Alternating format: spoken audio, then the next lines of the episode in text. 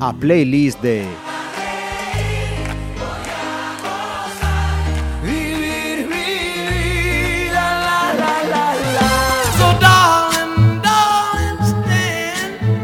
Bienvenidos todos a esta playlist eh, que ya hace su número vigésimo noveno. Hoy tenemos, a ver cómo lo digo, podríamos decir que una playlist sólida.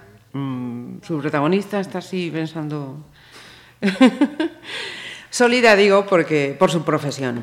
Me acompaña aquí en los estudios de Pontevedra Viva Radio Fernando Lafuente. Bienvenido. Hola, ¿qué tal? Lo de Buenas sólido, aquello por lo de la arquitectura. Sí. que no es la única faceta por la que te conocerán todos aquellos que nos puedan estar escuchando. No, puede que no, puede que sí, no como lo sé. profesor, Profesor. como político También político. o ajeno incluso a Esa- cualquiera de esas tres facetas que acabo de mencionar, sí, ¿no? Sí, sí, la verdad es que tengo la suerte de vivir varias vidas, a lo mejor, ¿no? Fernando, que estaba preguntando yo antes de comenzar a grabar, eh, este hombre era de Pontevedra, es de esos que, como quien nos habla un día, llegó a Pontevedra y aquí se quedó y me dice, no, yo soy de Samieira. Sí, de Samieira y lo llevo a gala, sí. Ujú. Porque tus padres eran ya de allí, porque circunstancialmente Mm. No, no. recalaron. No, mis padres no, mis padres, eh, mi padre era de Villanueva, mi madre es de Puerto del Son, pero bueno, mm, nacimos en casa, en Samieira, la mayoría de los hermanos, y bueno, yo no sé esa proximidad al mar o esa, como, como el origen, pues, como- pues como estuve por muchos sitios, como que necesitas tener una referencia fija, ¿no? Y, y entonces, pues sí, yo cuando estoy fuera y, y vengo a Pontevedra, como que hasta que voy a Samieira no he vuelto.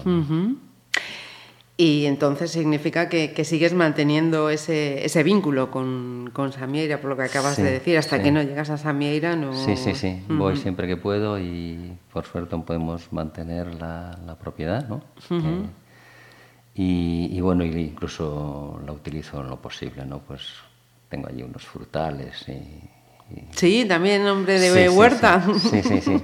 Porque siempre hubo una huerta que después eh, se quitaron los árboles porque se descuidaron y, y yo entonces me empeñé en que volvamos a tener allí manzanas y cerezas y esto. La de las cerezas la verdad que da mucho trabajo. Da. Todo lo que se ha relacionado con, con el huerto, con el campo, desde luego, es, es duro. Hay que, hasta que uno no se pone ahí a plantar, a estar encima, si llueve, si no llueve, Sí, si sale, sí, si no sí, sale, si ahora esto no se da cuenta de, de lo que vale. Y, el clima no ayuda. Los membrillos, por ejemplo, que necesitan agua en un momento determinado y si no es que, que se quedan ahí todos chuchurríos y, y arrugados y a ver si hay agua porque es que si no, no, no, no dan hecho. Mira, decías eh, con mis hermanos, con mis hermanos vivías en, en Samieira. ¿Cuántos hermanos? Pues eh, fuimos seis, desgraciadamente uno falleció, pero, pero sí, tuvimos el vínculo porque, como te había dicho, nos fuimos a vivir a Vigo y íbamos juntos y, y bueno, siempre tuvimos vínculos muy fuertes. Sí. ¿En qué lugar? Entre chicos y chicas. Uy, Pues yo soy el último de los chicos, soy, son cinco chicos y después una chica y, y yo soy el quinto. sí. ¿Y qué tal se lleva eso de ser el, el pequeño? Bueno, yo nunca lo sufrí. Eh, yo creo que se sufre, sufren más los hermanos mayores, ¿no? Los pequeños parece que siempre estamos como protegidos. Más ¿no? arropados, más Sí, sí, protegidos. Y ya venís aprendiendo de Y, los y que han además ido... tenemos que aprender un poco más deprisa de los errores, no sé si, no sé si de las virtudes. Em, tratamos de, de ir conociéndoos con la excusa de vuestros gustos eh, musicales. ¿A dónde remontas tus primeros recuerdos eh, musicales, Fernando? Bueno, eh, en Samieira, claro, y había un, un tocadiscos, teníamos un tocadiscos en casa, pero eh, yo creo que el tocadiscos en casa lo recuerdo más con aquellos cuentos de con los cuando en los discos pequeños, en los de 45 que se decía, eh, venían los cuentos, Sí. los cuentos. Recuerdo el cuento de Cenicienta que era un disco amarillo, además, que era una cosa como casi transparente. Pero mm, la música la recuerdo menos en casa. La música es en Samieira también, pero en aquello que se llamaban los guateques en el verano, ¿no? Ah. Y ahí es cuando, cuando sí tengo, digamos, el vínculo afectivo con la música, ¿no? Ujú. Pues eh, cuéntanos, a ver, eh, ¿qué, qué nombre y apellidos tiene ese grupo, esa canción y dónde ubicamos Bueno, pues eh, de todas las canciones que yo creo que eran como bastante, eh, bastante repetidas en todo, pero sí siempre me hizo gracia porque además me tomaban el pelo. Había una niña que se llamaba Lola y, y entonces pues, pues supongo que a mí me gustaba y aquello que se decía que, que era tu ligue, ¿no? Pero de esto hablamos de 12 años.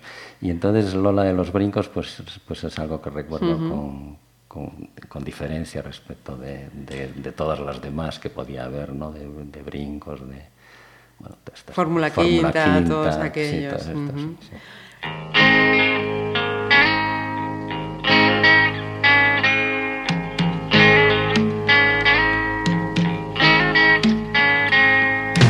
La otra noche bailando estaba con Lola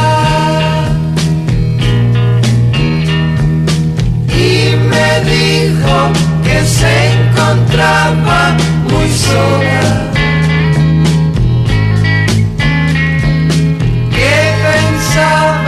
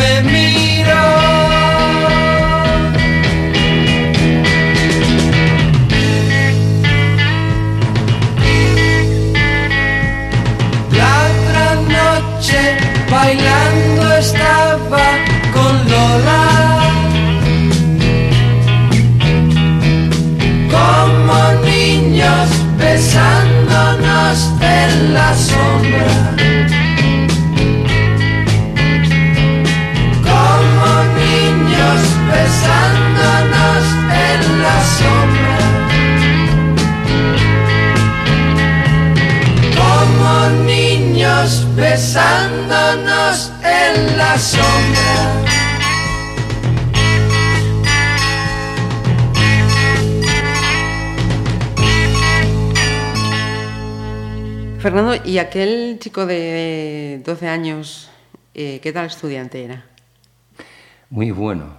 ¿Sí? Sí, yo eh, estudiaba, estudiaba mucho, o, no sé si estudiaba mucho, pero sacaba buenas notas. Claro, si- seguramente si no estudiaba no las sacaba tan buenas, porque siempre hay esa época difícil que dejas de estudiar, ¿no? Que empiezas a salir. Momento y- rebelde, Sí, esto no- Y, y entonces creo que me había ido un poquito más regular, pero vamos, nunca tuve problemas en el bachillerato, o sea que, que supongo que estudiaba lo justo, incluso un poquito más, ¿no? Una infancia, me imagino además que, en, ese, en ese entorno de disfrutar mucho eh, la calle, ese contacto de, de- de los amigos, de los hermanos, ¿no? Nada mm, como lo de ahora que es más mm, de puertas adentro. No, yo hablaba el otro día que recordaba que, que jugábamos en, en Vigo, en el portal de casas se salía a jugar a la calle. y, y- y aquello de la goma, y que se jugaba, la- y que también eh, que parecía que las chicas lo dominaban, pero que también los, los niños nos poníamos a saltar y a girar, y a, pues cuando la- ya lo subía mucho ya era más complicado. Pero sí recuerdo, sí, en el colegio jugar al, al guá, a las bolas. Sí. Eh, y, y bueno, pues la verdad que lo pasábamos muy bien. Sí. Y, y ese cambio de Samieira a Vigo, ¿cómo, cómo lo llevas? Bien, eh, realmente Vigo no estaba tan cerca como ahora, ¿no?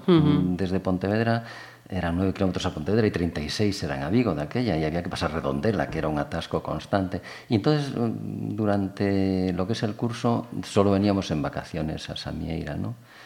Y, y bueno, pues, o sea que estaba bastante alejado. Yo, yo en Vigo me encontraba como bastante de Samieira, no, yo no era de allí, ¿no? Y, y bueno, pues eh, por lo demás, no, por lo demás, entre el colegio y yo recuerdo que iba a nadar, a- al náutico y, y, bueno, pues tenías entonces tus amigos del colegio, tus amigos de la natación, pues los amigos del, del edificio, ¿no? Con los que Ajá. jugabas en la puerta, en el portal. Y bueno, no, no tengo ningún ninguna sensación de, de haber perdido, ¿no? Tampoco al ir a Vigo. Ajá. Pues eh, seguimos en esa etapa, creo, ¿no? Unas cuantas canciones Sí, más. sí. Sí, hay eh, entre, entre el guateque y la música esa de bailar, de, de- sí, sí. Eh, después ya empiezo a, a- bueno, empiezo, me llegan, ¿no? También de mis hermanos mayores, ¿no? Pues ya los Rolling o, el Rider of the Storm, ¿no? De, de los The Doors. de Jim, Jim Morrison. Después me interesó mucho la vida de Jim Morrison, no sé que hasta leía alguna biografía de él.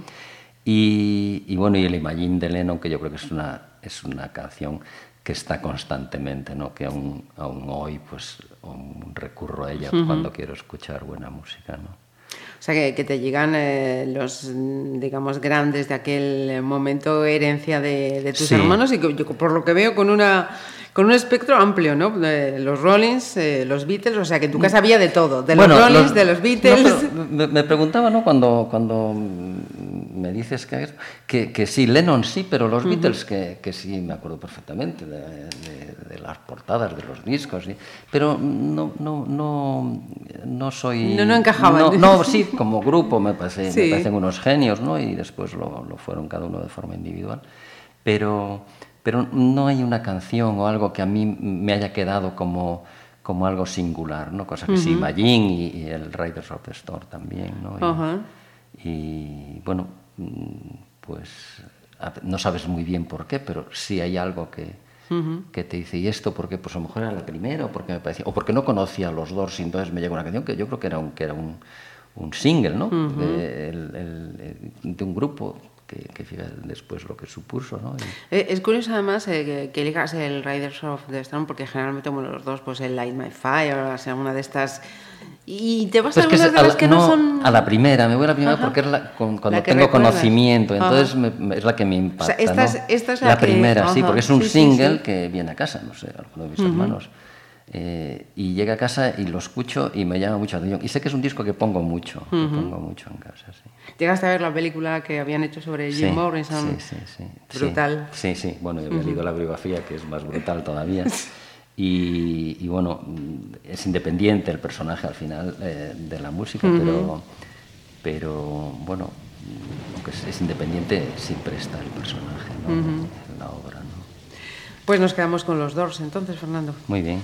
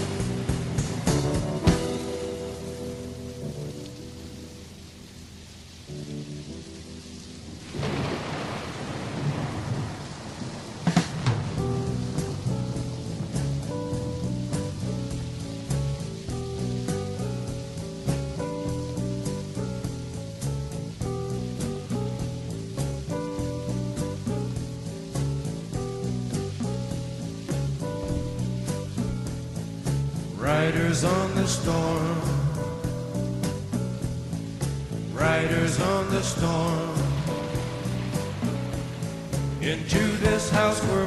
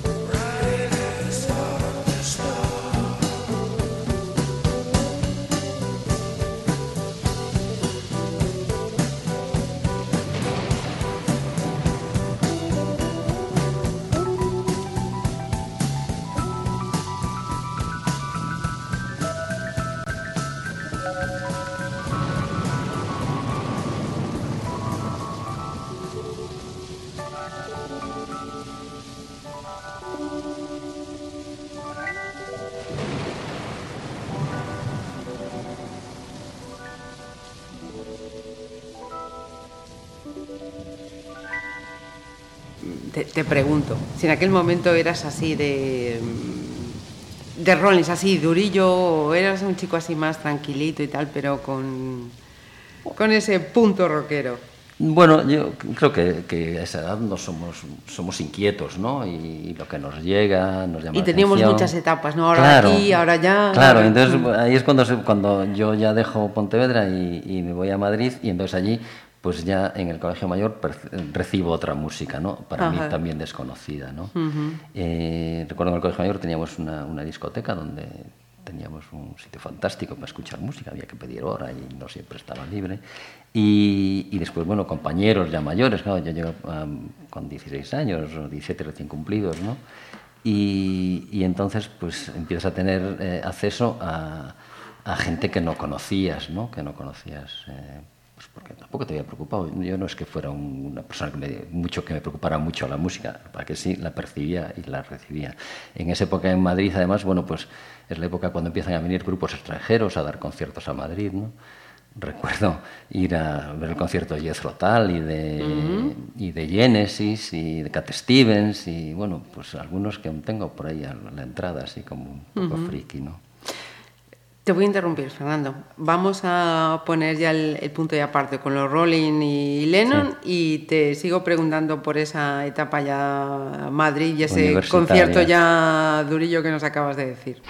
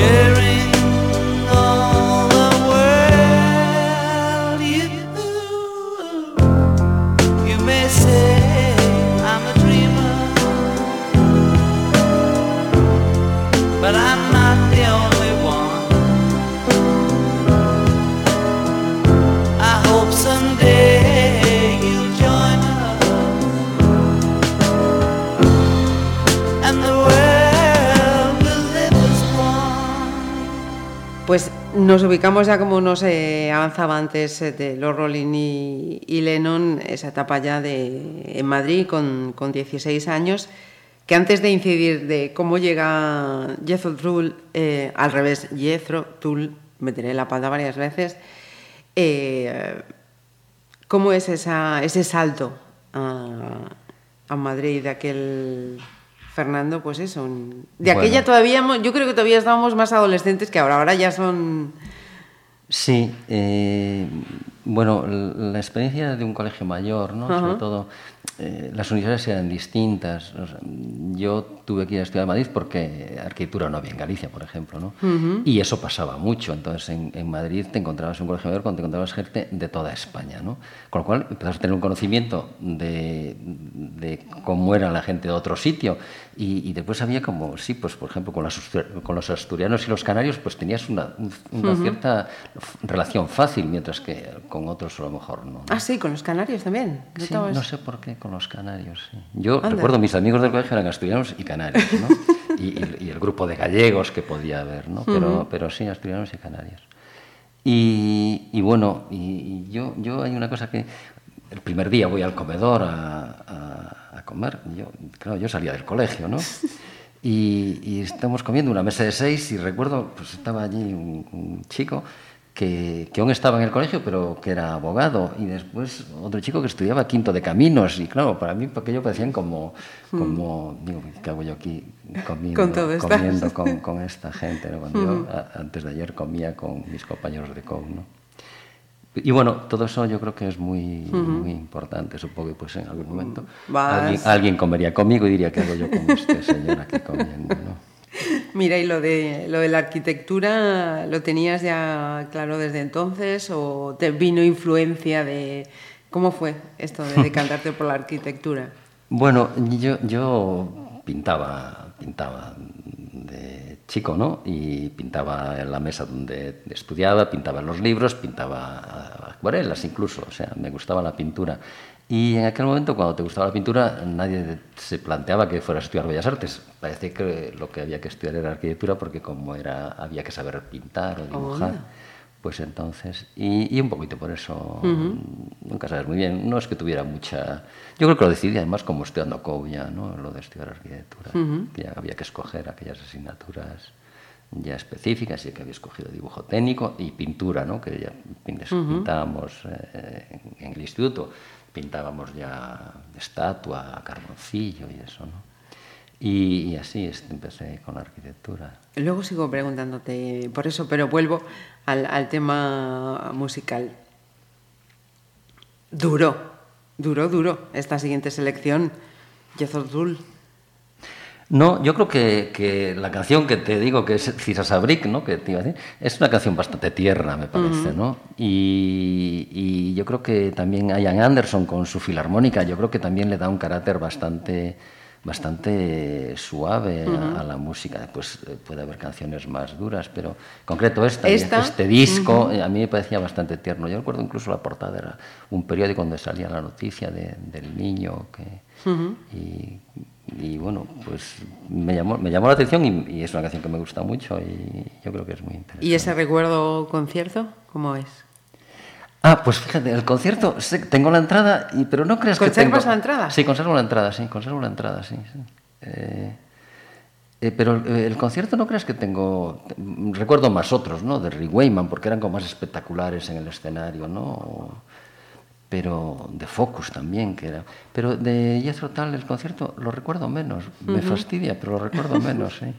Y ya que dices que, conservas esa entrada, ¿eres de esas personas de guardar esos eh, pequeños detalles? Yo que sé, un, un botón, una entrada, una servilleta con una anotación. No, no soy, pero tengo una cajita así como de bombones, como muy estrechita, que un día la abrí y había pues mi carné de, de, de cuando jugaba rugby, o sea, mi licencia de la Federación Universitaria sería. Un carné de, para viajar por Europa, de estudiante internacional. Estas tres entradas y, y alguna papeleta de la carrera, que antes había papeletas. Sí. Te cogías a coger el cartoncillo.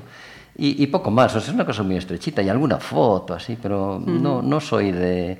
Y, y- y tres entradas, la de Jethro Tull, la de Genesis y la de Cat Stevens, sí. Y- Casi nada. Sí, bueno, pues fui a otros conciertos y no tengo la entrada. La de Cat Stevens es muy gracioso porque además tiene como su silueta, ¿no? Está pintada su silueta, sí.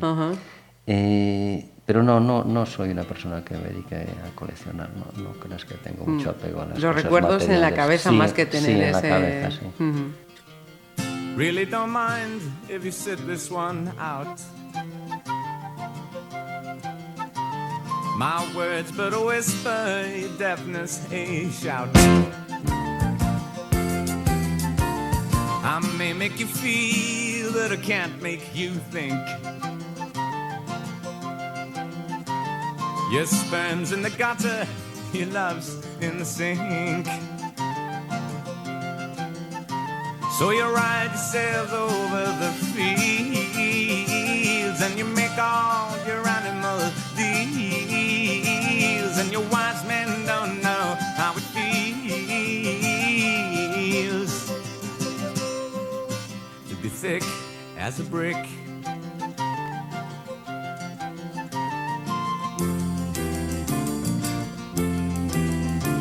And the sandcastle virtues are all swept away. In the tidal destruction, the moral malaise. The elastic retreat rings the close of play. As the last wave uncovers the newfangled way. But your new shoes are worn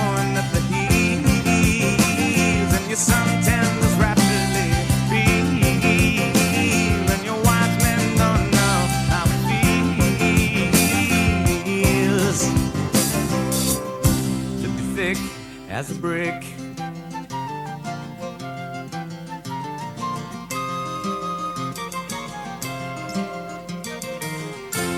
And the love that I feel is so far away. I'm a bad dream that I just had today.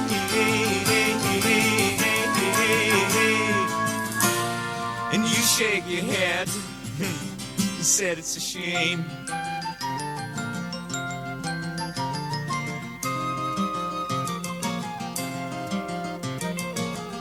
Spin me back down the years and the days of my youth. Draw the lace and black curtains and shut out the whole truth. Spin me down the long ages, let them sing the song.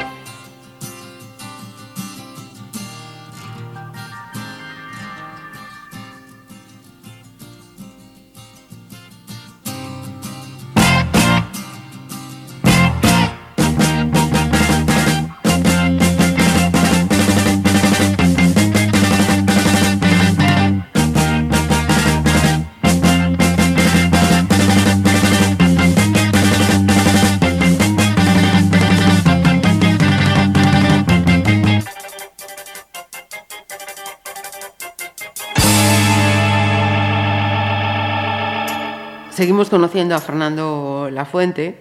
Estábamos en ese momento mm, del estudiante de, de arquitectura y he descubierto también que decías jugador de rugby.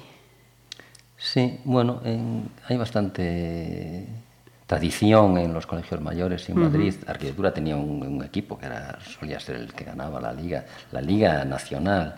Pero uni- eh, universitario sí había un- una tradición de, de rugby. Entonces en colegio mayor era muy sencillo porque era gente que como que éramos muy amigos. Y en el rugby es un deporte muy solidario, o sea, no te pueden dejar solo porque te inflan.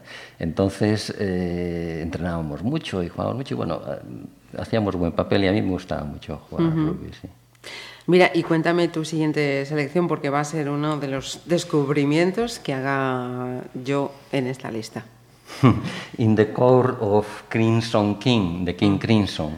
Ajá. Sí, es, eh, bueno, pues si es un descubrimiento, me alegro mucho de ayudarte Sí, a sí. descubrir y lo descubrirás cuando, cuando lo escuchemos. eh.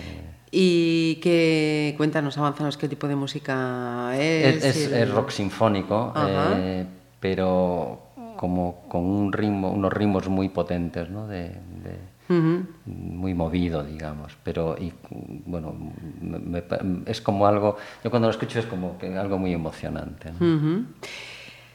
En relación a la, a la carrera, eh, a medida que, llegas, tú mostrabas, decías, ese, si me permites, ese virtuosismo ya pintando, que pintabas en, en todo, te decantas por la arquitectura. En tu caso fue una, una carrera que a medida que estudiabas, que ibas, ¿te iba enganchando o decías, uy, esto no es lo que yo... No, no.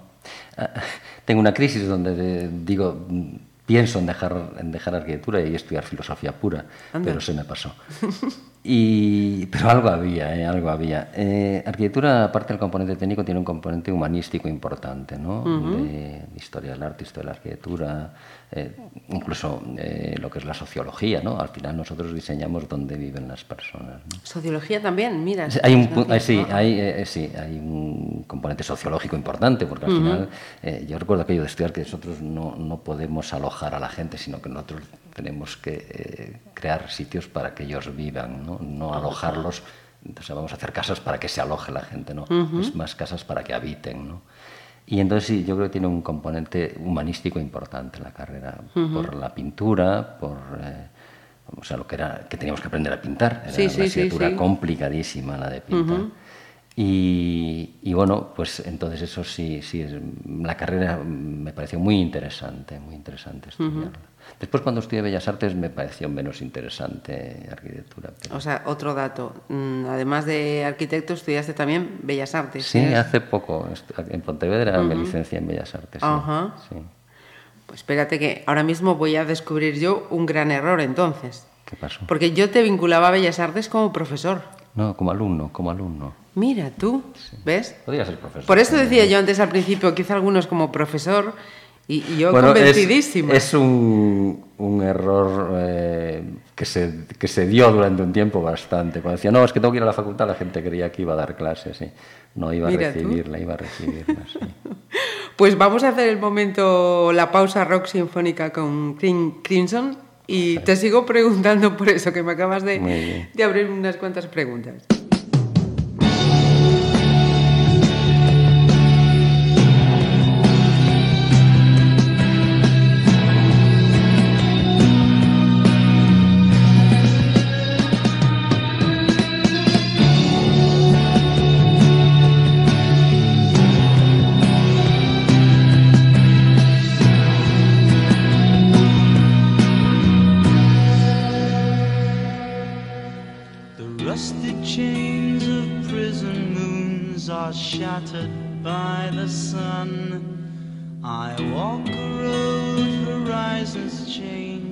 The tournament's begun. The purple piper plays his tune, the choir softly sing. Three lullabies in an ancient tongue for the court of the crimson.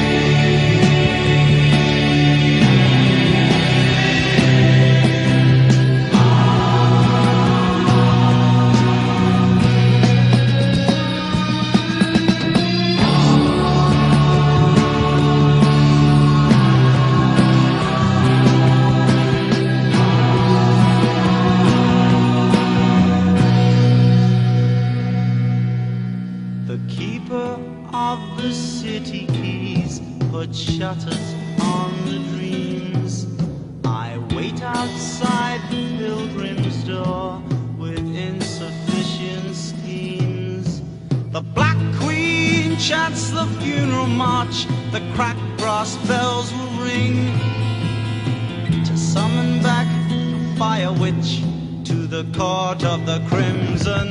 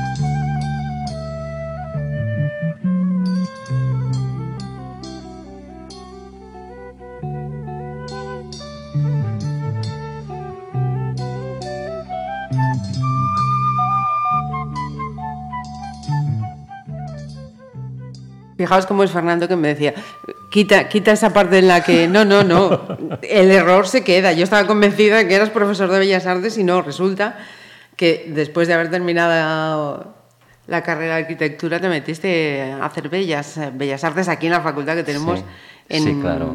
en Pontevedra. Claro, es, es- bueno, primero era muy cómodo, pero no, no comencé la carrera pensando en, en acabarla, ni, pero la verdad es que bueno, eh, fue un- una experiencia fantástica estudiar Bellas Artes. sí.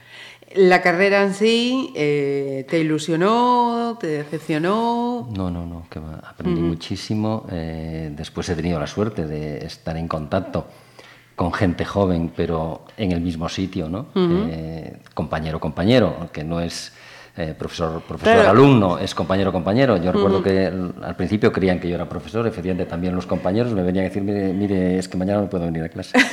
Decía, pues no vengas, a mí no me cuentes nada, díselo al profesor que saque el chaval, ¿no?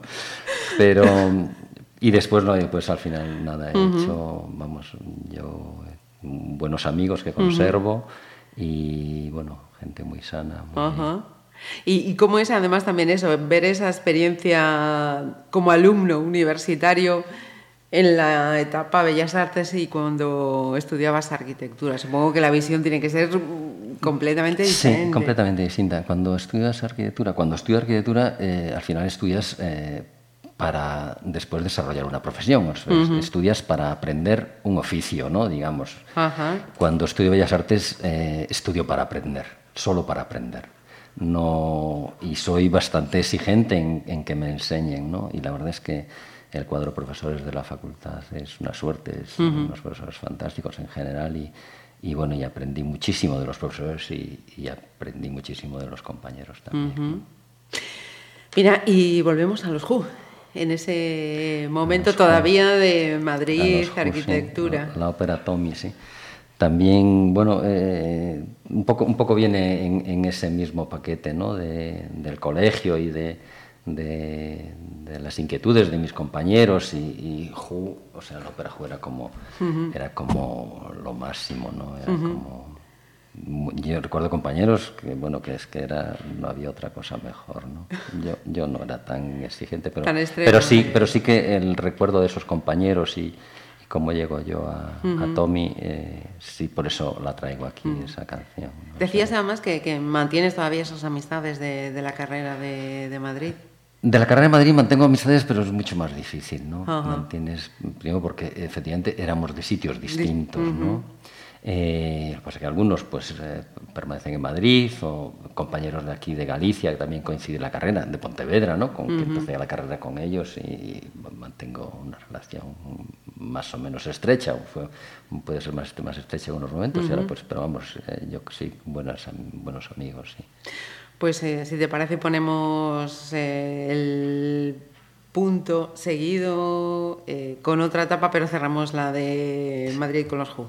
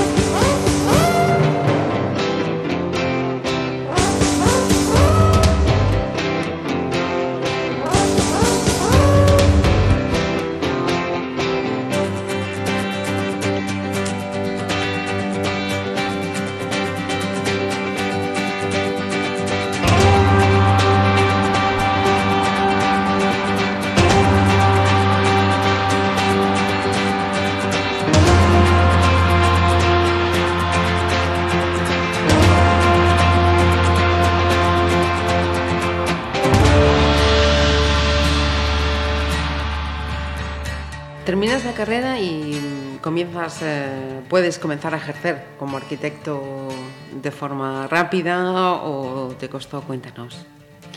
Bueno, eh, de forma rápida, yo no sé a qué velocidad se adquiere. Yo sí hay un momento que tengo que decidir si me quedo en Madrid o me vengo para Pontevedra. y, y nos venimos para Pontevedra, una vida como más cómoda, más fácil, eh, menos, eh, como más tranquila. ¿no? y, y entonces, pues con un compañero que había, que había, pues ponemos un estudio en Pontevedra y bueno, pues las necesidades son pocas y, y, y entonces también el trabajo no hace falta que sea excesivo, ¿no? Pero bueno, mm, la gente empieza a conocerte, ¿no? Como arquitecto y tú empiezas a moverte y, y empiezas a buscar eh, dónde puede haber trabajo. Pero antes de dedicarme a la arquitectura en sí, yo lo que me dediqué fue a hacer catastro. Ajá. Eh, y entonces estuve como ocho... ¿Aquí cerquita? Ocho, ocho, diez años haciendo catastro, sí, no, no, en toda Galicia. Ajá. Hacía catastro en toda Galicia, sí. con, otro con otro amigo monté una empresa de catastro y estuvimos haciendo catastro hasta que se acabó el catastro. Porque Era toda la renovación catastral que se hizo en España en los años eh, 80. ¿no? Suena a trabajo muy, muy tedioso esa parte, o, o no, o es como lo Bueno, vemos desde fuera. eh, es, es- tiene una parte tediosa, pero también era una parte muy interesante. Yo no sabía nada de catastro. y, y yo empiezo hasta, hasta... ¿Te interesa cómo se hace el vuelo? El vuelo para fotografiar eh, lo- el territorio eh, de ese vuelo, cómo se vuelca en, una, en un soporte ya, ya de, plano. Eh, manejas mucha información y después hay un trabajo de campo que es el tedioso, que es el ir casa a casa viendo dónde es. Yo también lo hice para saber lo- el trabajo que le costaba a la gente que trabajaba para mí y, y al final acabas conociendo un oficio que, que no tenías ni idea. Y eso siempre me resultó muy atractivo, ¿no? Aprender, aprender cosas. Yo hablar con los que volaban, con los de los aviones y me decían, no, es que tenemos que volar a 600 metros, que esto no sé qué. Y yo era una cosa que no tenía ni idea. Tú vas al catastro y te aquello que Sí. la urbana, la urbana, y no sabías todo el trabajo que había detrás. ¿no? Y yo pues, lo aprendí. Ujú. ¿Y cuántos disgustos? Porque es que en general el ciudadano le hablas del catastro y es como, uff, Sí, es un poco sí, ingrato, ¿no? Sí, sí, es bueno, pero es ingrato, pero hay que reconocer, en, en general, ¿no? El catastro, digamos que es el impuesto más, eh, más lógico. Te cobran por lo que tienes, eh, no por lo que tiene el vecino, ni por lo que... Te cobran por lo que tienes. El que tiene mucho tendrá que pagar mucho. El que tiene una casa muy grande tendrá que pagar más que el que tiene una pequeña. Eh, me parece un impuesto muy justo. Otra cosa es que si, claro, si, si es menos, pues mejor, ¿no? A mí también cuando me llega el recibo de la urbana digo, pues que po- podía ser menos, ¿no? Pero, pero entiendo que, que, que hay un impuesto porque eso quiere decir que delante de tu casa hay, hay unos servicios que te dan y hay una calle y hay una acera que arreglar y hay, y al final tienes un bien que no está, que sales y no sales a tu territorio, sino que sales a una vía pública. ¿no? Entonces, bueno, yo entiendo que en, en algunos casos sí, yo que lo vivía y pues me venía gente a, a reclamar y, y efectivamente me parecía sangrante, ¿no? Gente sin recursos que tenía una casa y que tú no puedes decirle, oye, pues, pues me la compras porque yo no puedo pagar el recibo, ¿no? Pero bueno, en general, eh, en general la urbana, la gente sí estaba muy preocupada por ella porque era como el título de propiedad, ¿no? Yo creo que había algunas, algunas viviendas o algunos terrenos que ni siquiera tenían escritura y su recibo, o sea, había gente es que mi recibo, es que desapareció mi recibo y bueno, es que venían preocupados como si le hubieran quitado la casa. Entonces, eh, en ese sentido sí era grato, ¿no? El, el- el buscarle y el resolverle un problema a la gente, ¿no? Y en el apartado arquitectónico, eh, ¿recuerdas eh, dónde y cómo fue tu primer proyecto? Sí, bueno, fue una, pues siempre es una casa de unos amigos, ¿no?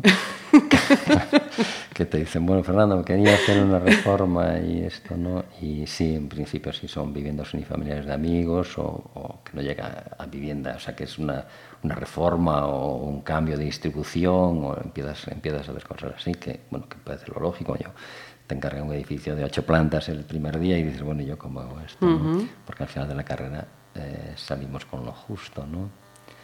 Y nosotros acabamos la carrera y nos montamos solos, o sea, no vamos a trabajar a un estudio, en el estudio se aprende el- en la profesión y después se va a trabajar solo, ah, ya te vas a trabajar solo. Nosotros empezamos solos, o sea, mm, recuerdo que con nuestras mujeres, poco menos que escribiendo a máquina las mediciones y las memorias, ¿no? porque no había ordenadores. ¿no? Y bueno, pues también era entretenido. Ajá. Hacemos una pausita musical que es en realidad el eje vertebrador de, de estas entrevistas y, y nos vamos a lo que se llamó en su momento la música grunge, ¿no? Con, con Nirvana. bueno, Nirvana es una cosa curiosa. A mí, eh, eh, yo creo que ya, ya, es un. casi coincide con mis hijos, casi con mi hijo el mayor, ¿no? O sea, uh -huh. la preferencia, ¿no? Pero después, claro, eh, efectivamente el disco este que, que, a mí me parece una obra de arte, yo creo que es el disco más redondo que, que he escuchado nunca, que es la Playa de. Uh -huh de Nirvana, eh, que yo lo veía en la MTV y después tengo el, el, el, tenía el CD, pero es que en la MTV lo estaban poniendo constantemente y la verdad es que es que Kurt Cobain eh, uh -huh. era emocionante verlo allí con su guitarra y su y, y, que además que cuando lo ves es que yo creo que se suicida uh -huh. al poco tiempo, ¿no? Y, y, la verdad es que me parece un disco fantástico. Uh -huh. ¿Qué será o, o, por qué será que esos eh, grandes eh, artistas, porque en su momento eso, pues Kurt Cobain fue todo un, un mito en ese, en ese momento de, de, Nirvana, pues como lo fue también Jim Morrison en su momento con, con los Doors, uh -huh. ¿no? Unas vidas tan extremas que al final acaban demasiado pronto. Bueno, supongo que hay otras que no acaban y entonces esas no se tienen en cuenta. Yo pues, puede que se dé más ¿no? en, en, en la música o en el, en el arte, en, gente singular, ¿no? en uh -huh. genios eh, que pues se desencanten ¿no? y, y, necesiten otras cosas. Pero no, no tengo yo no puedo aventurar por qué pasa esto. Uh -huh. Yo entiendo que que es una pena, pero mucho más pena es que, que, a John Lennon, que no decidió nunca hacer nada de esto, lo saquen del medio. Eso sí que me parece... Brutal. Parece, uh -huh. sí, brutal es una buena palabra, sí. Uh -huh.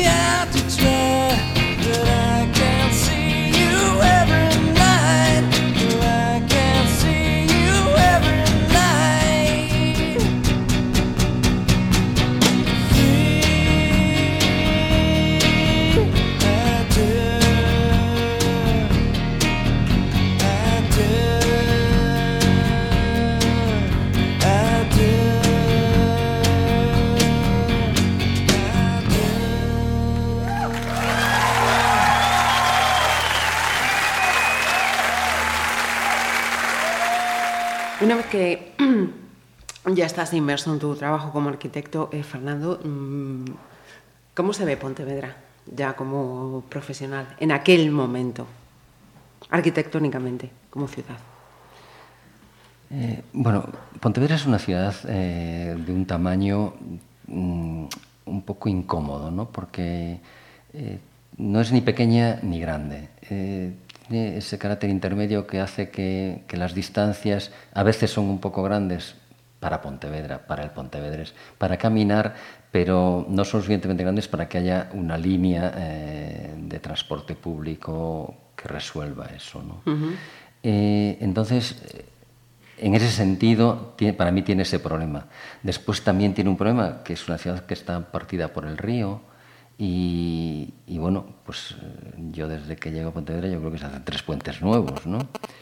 Pero, pero en aquel momento yo creo que solo está el puente del, del- de la Yo creo, barca yo creo y del incluso que hubo, ¿no? hubo, hubo momentos, mm, me da la impresión, ¿eh? Eh, que hubo momentos atrás que quizá esa división era mucho más, más radical, ¿no? que costaba más acercarse pues, al Burgo, por ejemplo, que, Sí. que ahora, aparte pues, Sí. también el, el Pazo de la Cultura, el Claro, recinto, claro. toda la zona deportiva.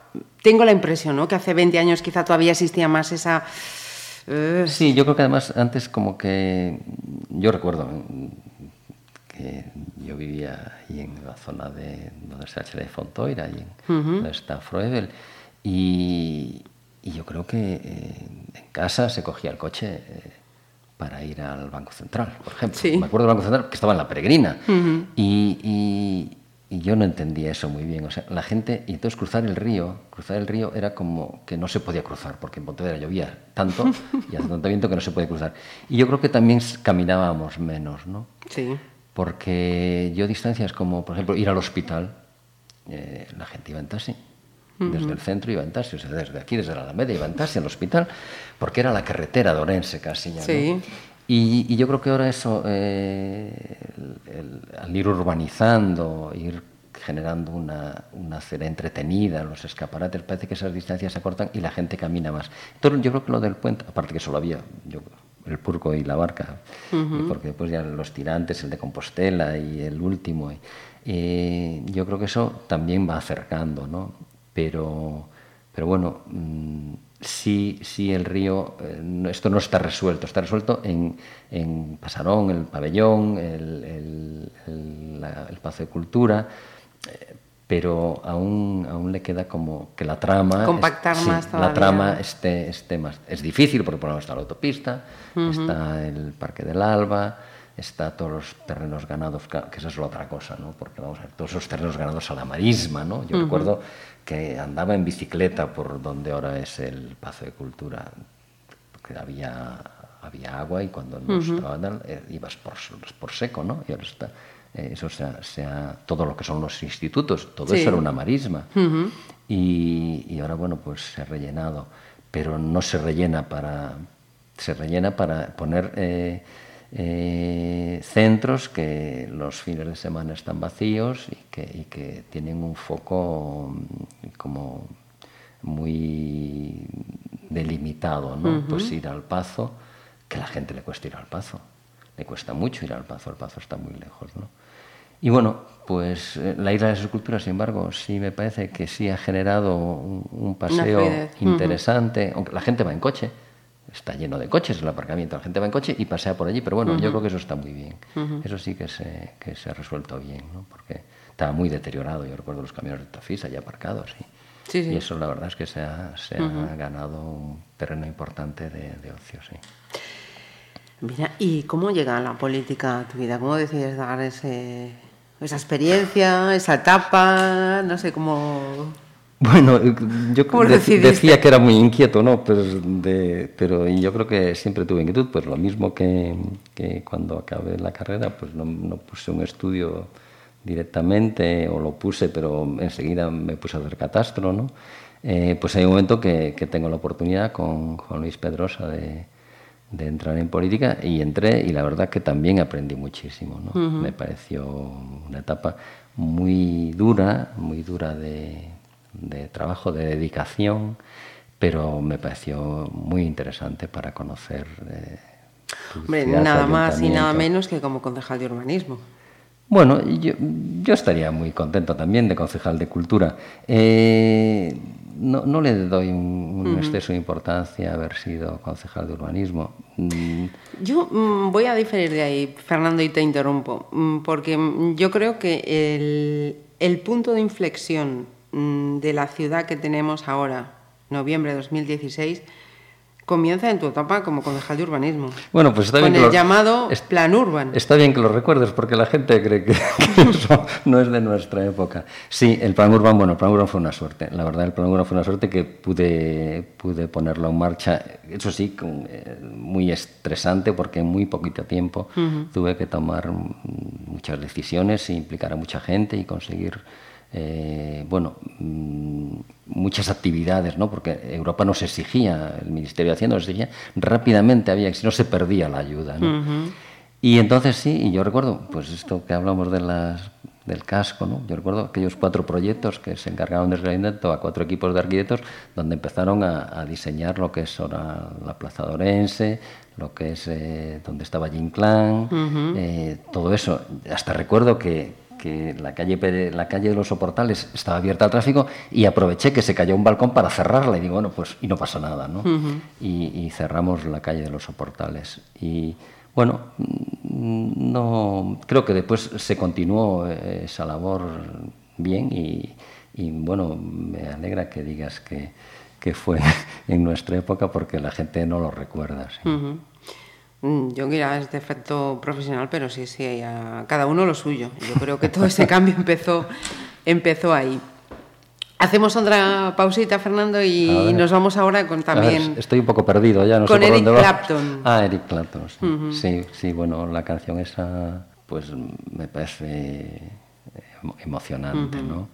Y viendo, bueno, la letra, ¿no? Que, bueno, traducida, ¿no? Que el, in- el inglés no es uno de mis fuertes. Eh, las circunstancias en las que le, en las que le escribe, escribe. Eh, y, y cómo, y cómo canta, ¿no? Que, como, bueno, aparte ya como guitarrista me parecía fantástico Eric Clapton, pero en esta canción me parece, Sí, es uno de los grandes, sin duda me alguna. parece brutal también. Ser capaz, además, también eso, de, de llevar a papel y a notas musicales la pérdida de un hijo, Uf. es también una... Tremendo. Bueno, pues respiramos y vamos con, con Eric Clapton.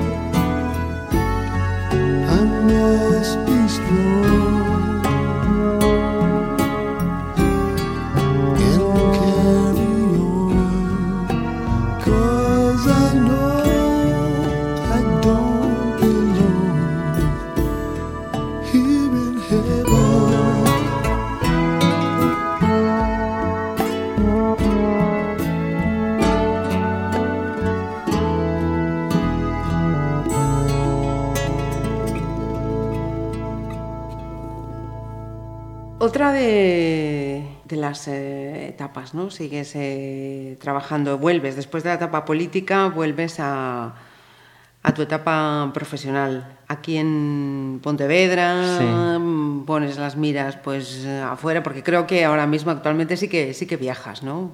No sé si por proyectos, si por eh, curiosidad. Mm, Bueno, eh, yo creo que hay que tener la perspectiva, ¿no? Y yo creo que siempre que salía de viaje estando en Pontevedra, eh, salir de viaje te da una perspectiva de Pontevedra en, todos, en, en- en toda su amplitud. O sea, lo que está bien, lo que añoras eh, y lo que está bien que también añoras que no tengas, ¿no?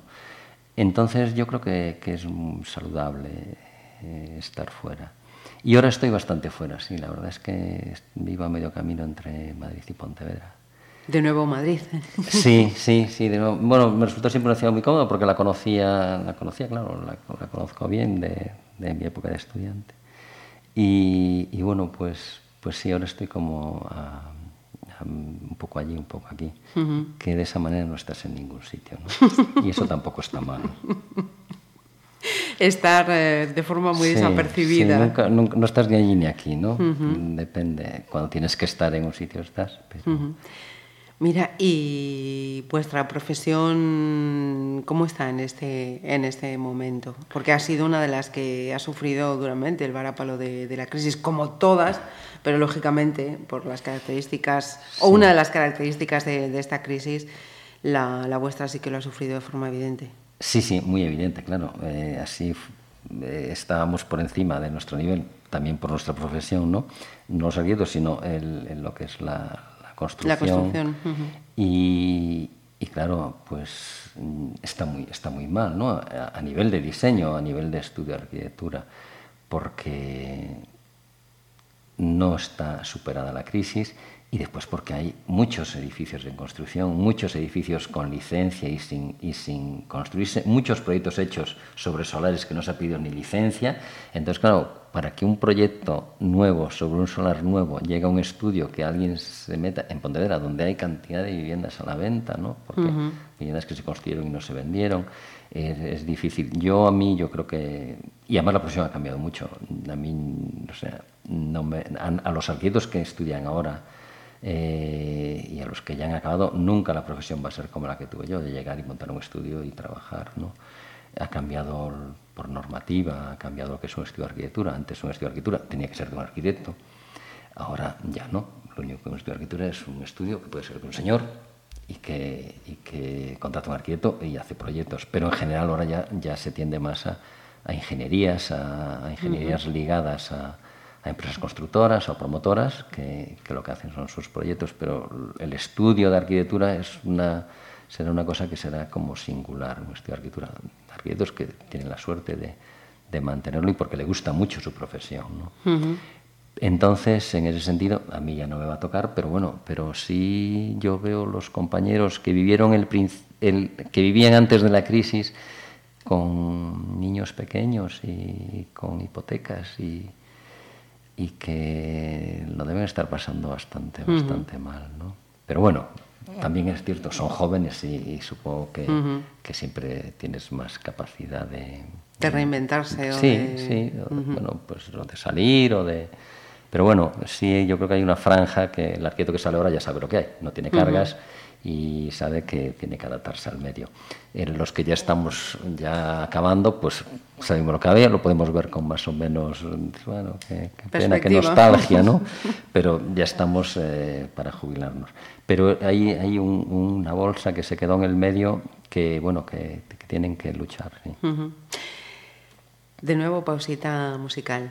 Maite Vendecas, totalmente diferente a lo que llevábamos escuchando en esta etapa. Sí, pero bueno, hay un momento en que, en que empiezo a entender el flamenco, ¿no? Y el flamenco, porque la letra no lo he entendido nunca, ¿no? No sé muy bien en qué idioma cantan, ¿no? Y, y- y esta canción, bueno, pues yo creo que mm, seguramente tiene alguna historia sentimental.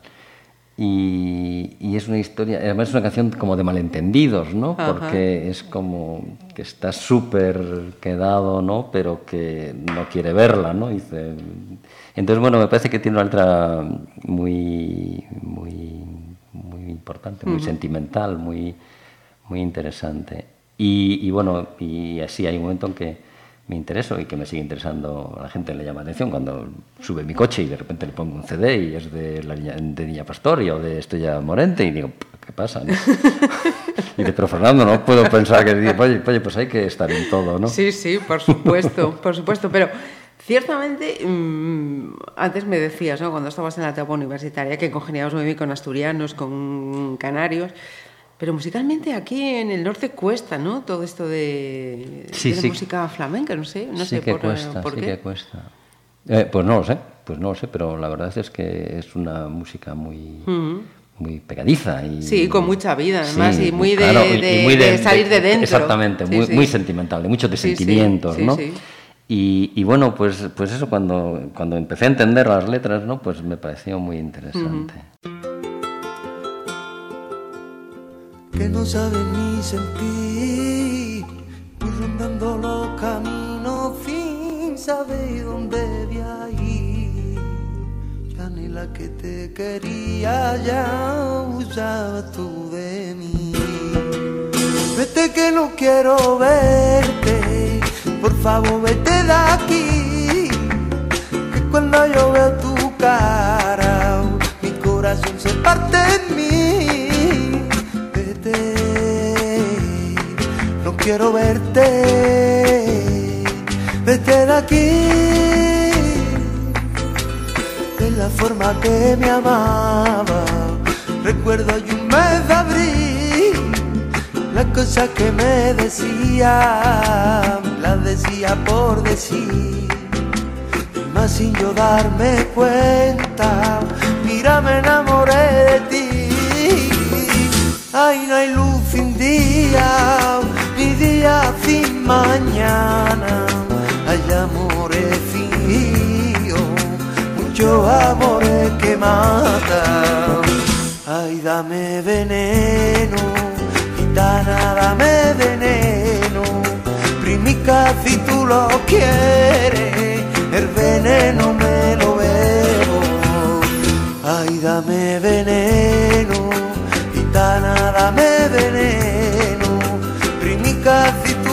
quieres,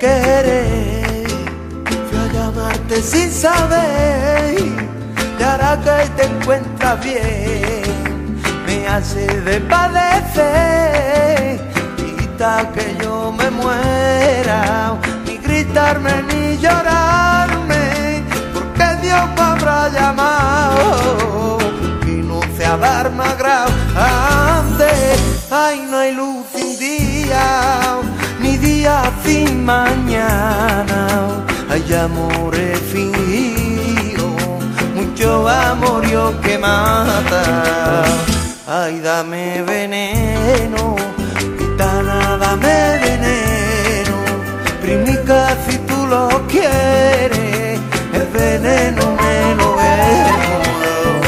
Ay, no hay luz sin día, ni día sin mañana. Hay amores fingidos, mucho amorío que mata. Ay, dame veneno, gitana, dame veneno. Primica si tú lo quieres, el veneno me lo bebo. Ay, dame veneno,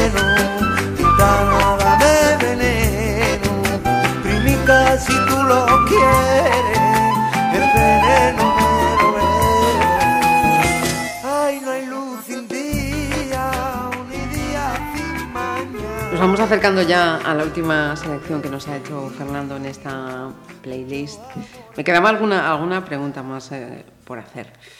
una etapa ya estamos en una etapa ya, vamos a llamarle madura, ¿no? Yo me, me niego a, a pasar de ahí, vamos, la etapa madura. Yo intento no llegar. está bien, está bien. Eh, una etapa en la que mm, hay que decir que también eh, has caído en las garras de lo que ahora se llama ser runner. Ah, sí, sí, no me acordaba. Sí, bueno, sí, también, sí, me puse a correr, sí, un día. un día, pues- Así de repente Bueno, no de me repente. las zapatillas y... Bueno, no, la verdad que yo había hecho mucho deporte y, no- nunca dejé de hacerlo, pero sí hay un momento en que me cuesta bastante porque las plantas de los pies me, me molestan mucho cuando voy a correr. Entonces eh, pierdo peso y, y entonces empiezo a ver que, que las plantas de los pies eran un problema de sobrepeso. Y entonces empiezo a correr muy poquito a poco. Recuerdo que, que salí de Samieira, daba la vuelta hasta Combarro y volvía y, y en las cuestas, en las cuestas Sí. que hay de Samieira a Combarro, que o sea que no hay ninguna, pues tenía que caminar, no era capaz de correr. Sí, sí. Y así, eh, corriendo, me empecé a... Un Enganchar. grupo de amigos, nos empezamos a enganchar. Y sí, bueno, pues de aquellos son 18 maratones acabados, sí. Repite, por favor, lo que acabas de decir. 18, 18 maratones acabados, sí. Es que yo, yo quería llegar a, ahí. Eh, 18 maratones acabados que mm, estamos hablando mm, cuatro horas, así, menos, menos de cuatro horas. Bueno. Pero Eh, 3.26 mi mejor marca. toma, Y 4.12 la peor. Las dos en el mismo sitio, pero con 12 años de diferencia, sí. mm, Sí, mi mejor marca es el año 2004, 2004 en París y mi peor marca también es en París en el año 2014. ujú. es que la gente que lo ve de fuera dice, es que estáis, estáis locos, estos que vais a correr, estar Sí. ahí sufriendo, sufriendo, ¿qué, qué, qué tenéis? Digo, pues...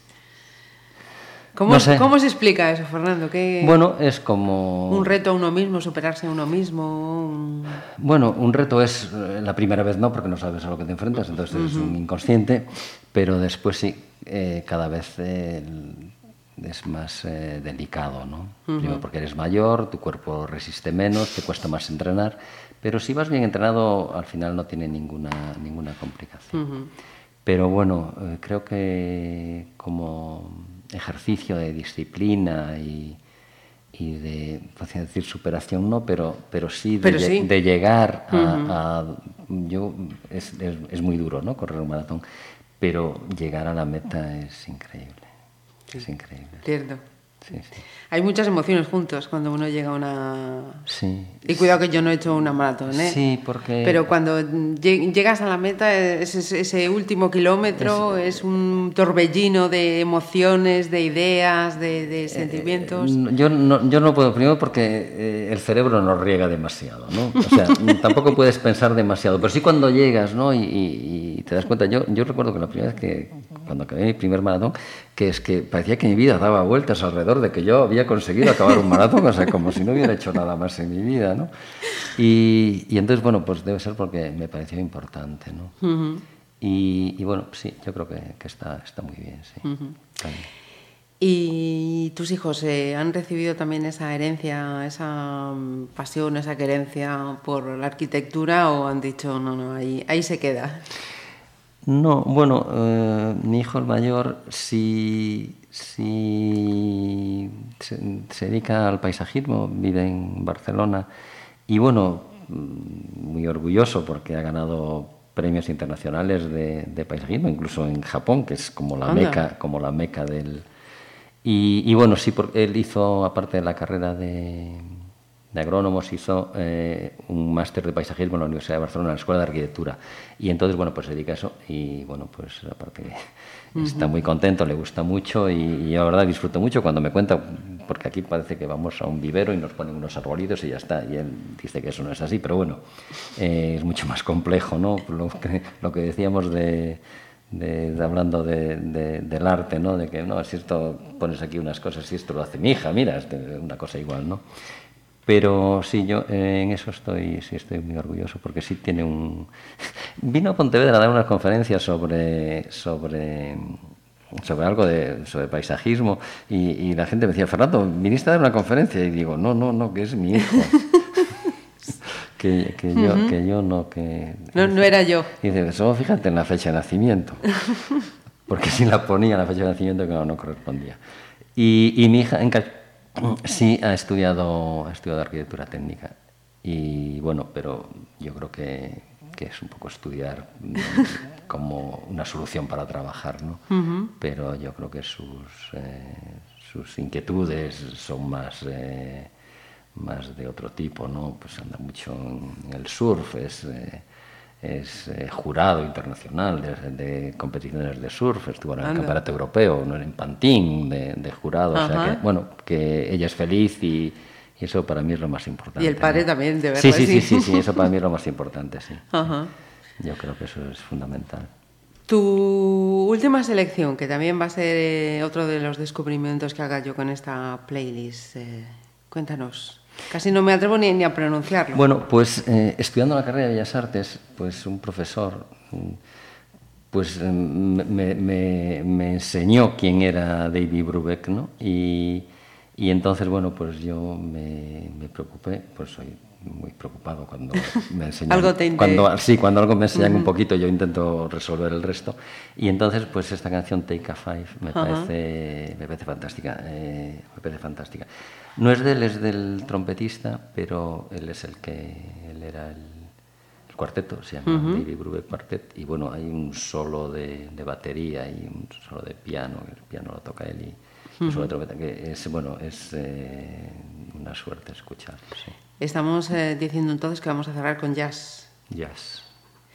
Y ya para terminar, antes de, de esta despedida tranquilita, ¿cómo se imagina Fernando su vida? Pues así, tranquilamente, una vez que diga, ya he cumplido con mis años de trabajar, ahora la vida la voy a vivir como. Yo eh, no me planteo que, que haya cumplido mis años de trabajar ni que no los haya cumplido. Yo creo que la vida hay que vivirla según, según viene, ¿no? Y intentar no decir mm, a nada que no. Y, y sí ser, eh, tener un poco de cuidado a lo que dices que sí. Pero bueno, mm, yo creo que no, no podemos plantearnos cuando esto pase qué voy a hacer, ¿no? Yo creo que hay que hacer lo que venga, ¿no? Y, Eres más hombre de día a día, Sí, no de sí. planes a no, largo no, plazo. No, no, pues que nunca sabes, o sea, eh, bueno, el, el día 20 em- embarco en, en Las Palmas y voy a cruzar el Atlántico a vela.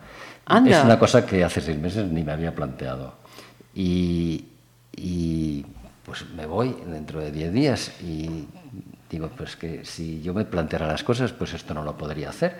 Pero yo creo que la mejor manera es no planteárselo demasiado las cosas, porque plantearte hacer tu programa te impide hacer otras cosas. ¿no? Además porque te aleja de la posibilidad de, de improvisar. ¿no? Que es algo grandísimo además. ¿eh? Sí, mm, yo en eso me considero muy afortunado. ¿no? Pues eh, Fernando Lafuente, que ha sido un placer eh, conocer mucho más de ti, fíjate tú. Sí, Yo pensaba había- que tenía aquí un profesor y uno de los chascos ha sido que... Fernando, de verdad, un placer. Bueno, pues muchas gracias, encantado de estar aquí con vosotros.